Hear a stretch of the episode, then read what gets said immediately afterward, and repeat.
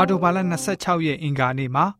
လေ့လာသွားမယ့်ဥပုသ္စာဖြစ်တဲ့ငန်းစာရဲ့ခေါင်းစဉ်ကတော့တင်းဒီအကုတုပြည်၌ဧည့်သည်အကနုဖြစ်ခဲ့ရသည်ဖြစ်ပါတယ်။တရားဟောကြံခန်းကြီး30ငယ်19မှာဆိုလို့ရှိရင်တို့ဖြစ်၍ဧည့်သည်တို့ကိုချစ်ကြလော့။အကြောင်းမူကားတင်တို့သည်အကုတုပြည်၌ဧည့်သည်ဖြစ်ပူးကြပြီဆိုပြီးတော့ဖော်ပြထားတာတွေ့ရပါတယ်။အဲ့ဒီဖော်ပြချက်အဆိုရင်ဣတိလလူတွေအတွက်ဘယ်လိုမျိုးသောသတင်းစကားဖြစ်ခဲ့တယ်လဲ။အဲ့ဒီသတင်းစကားကပဲကျွန်တော်တို့အတွက် ဘယ်လိုမျိုးအကျုံးဝင်နေတယ်လဲ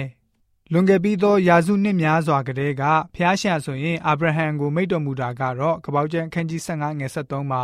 ထထဖျားကလည်းတင်ဤအမျိုးအနွယ်သည်သူတစ်ပါးပိုင်သောပြည်၌ဧည့်သည်ဖြစ်ကြသဖြင့်သူတစ်ပါးတို့၌ကျွန်ခံခြင်းနှိပ်စက်ညှင်းဆဲခြင်းကိုအနှစ်400ပတ်လုံးခံရကြလိမ့်မည်ကိုအမှန်သိမှတ်လို့ဆိုပြီးတော့ဖော်ပြခဲ့တာတွေ့ရပါတယ်။ အဲ့ဒီလိုထမြောက်ကျမ်းရဲ့ရှေ့ပိုင်းအခန်းတွေမှာမှတ်တမ်းတင်ရေးသားထားတဲ့အကြောင်းအရာတွေဟာဤဒေလတွေရဲ့ရွေးနှုတ်ကဲတင်ခံရခြင်းအကြောင်းကို တင်ဆက်ရေးသားထားပေးတာဖြစ်ပါတယ်။အဲ့ဒီနောက်မှာကဲတင်ခြင်းအကြောင်းဖြစ်ပါတယ်။အဂတုကနေကဲတင်လွတ်မြောက်လာရတဲ့မှတ်တမ်းဟာခရစ်တော်ရှင်ရဲ့အချိန်မှာပေးတဲ့ကဲတင်ရွေးနှုတ်ခြင်းကိုပုံဆောင်ပါတယ်။ခုနကကြမ်းချက်မှာဖျားရှံဆိုလို့ရှိရင်ဣတိလလူတွေဘယ်နေရာမှာဘယ်လိုမျိုးလွတ်မြောက်လာရတဲ့အကြောင်းကို ပြီးတော့သူတစ်ပါးတွေရဲ့ပိုင်တဲ့မြေမှာဧည့်သည်ဘယ်လိုမျိုးဖြစ်ခဲ့ရတယ်ဆိုတာတွေကိုပြန်လည်သတိရစေလိုပါတယ်။တနည်းအားဖြင့်ဆိုကြပါစို့တင့်အနေနဲ့ဖိနှိပ်ခံရတဲ့အဖွဲ့အစည်းဇက်နိုင်တယ်လို့အမြင်ခံရပြီးတော့ကျွန်ဘဝလိုတင့်ထက်ခွန်အားကြီးတဲ့သူတွေကတင့်ကိုအနိုင်ကျင့်မှုတွေနဲ့ရင်ဆိုင်ကြုံတွေ့ခဲ့ရဘူးတဲ့ဆိုပါစို့ဣသလလူတွေဟာအရွေးချယ်ခံလူမျိုးဖြစ်နေသည့်တိုင်ဖះရှင်ခေါ်တော်မူခြင်းကိုခံရတဲ့သူဖြစ်တဲ့တိုင်အောင်သူတို့နဲ့အတူ မိခိုနေထိုင်ရတဲ့ဧည့်သည်တွေသစိမ်းတွေရှိနေသည့်တိုင်အောင်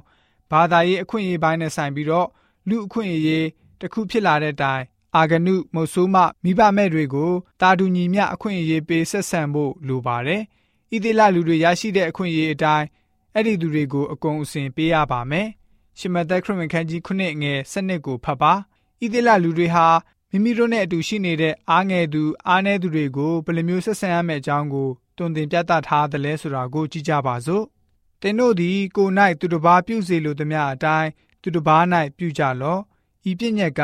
ပြည့်ညက်တိကျမ်းနှင့်အနာဂတ်ကျမ်းတို့၏အချုပ်အခြာပင်ဖြစ်သည်ဆိုပြီးတော့မှဖော်ပြထားတာတွေ့ရပါတယ်။ရှေးခေတ်ကဘာကြီးရဲ့ထုံးတမ်းဓလေ့ကတော့ဇက်နိုင်တယ်လို့သတ်မှတ်ခံရတဲ့သူတွေကိုတရိတ်ဆန်အစ်စ်နာထားပြီးဆက်ဆံလေးရှိတော်လဲပဲဣသေလလူတွေအနေနဲ့အဲ့လိုမျိုးမပြုလုပ်ဖို့တားမြစ်ခံထားရကြပါတယ်။ နန်းရှင်ကြည့်လိုက်မယ်ဆိုလို့ရှိရင်တော့ဣသေလလူတွေဟာအခြားသူတွေနဲ့ခြားနားမှုရှိရပါမယ်။တိုင်းနိုင်ငံတွေရဲ့အလင်းဖြစ်ရပါမယ်။သူတို့ကိုးကွယ်တဲ့ထာဝရဘုရားဟာအခြားတစ်ပါးသူကိုးကွယ်တဲ့နတ်ဘုရားတွေနဲ့မတူတဲ့အကြောင်းကိုပြသရပါမယ်။ထာဝရဘုရားကိုဘယ်လိုမျိုးကိုးကွယ်တဲ့အကြောင်းနဲ့ကမ္ဘာတစ်ခွင်မှာရှိတဲ့ဘာသာတရားအားလုံးရဲ့ဘုရားရှင်ထာဝရဘုရားပေးတဲ့ဝတ်ပြုကိုးကွယ်ပုံအစီအစဉ်ဒီသာအမုံမြတ်ဆုံးဖြစ်တဲ့အကြောင်းကိုပြသရပါမယ်။ ထာဝရဘုရားဟာအခြားသောနတ်ဘုရားတွေနဲ့တပါးမျိုးသားတွေယုံကြည်တဲ့ယုံကြည်ခြင်းတွေထက်တာလွန်မမြတ်တဲ့အကြောင်းကိုပြသကြရမှာဖြစ်ပါတယ်။သူတို့တွေဟာကမ္ဘာပေါ်မှာရှိတဲ့လူမျိုးတိုင်းအတွက်ထထဖျားရှင်အကြောင်းကိုတသက်ခံတဲ့သူတွေဖြစ်ကြရပါမယ်။ ဒီအတွက်ကြောင့်ကျွန်တော်တို့လေ့လာခဲ့ရတဲ့အတိုင်းပဲကျွန်တော်တို့ယုံကြည်သူများအနေနဲ့လည်းပဲကိုယ်နဲ့ဆက်ဆိုင်သောသူကိုကိုယ်နဲ့အမျှချစ်ပြီးတော့မိမိတို့ရဲ့ဘဝသက်တာမှာထထဖျားရှင်အကြောင်းကိုတသက်ခံတဲ့ယုံကြည်သူတွေဖြစ်စေဖို့အတွက်အင်္ဂါနေ့ဥပုသ္စာဖြစ်တဲ့ငန်းစာကဖော်ပြထားပါတယ်။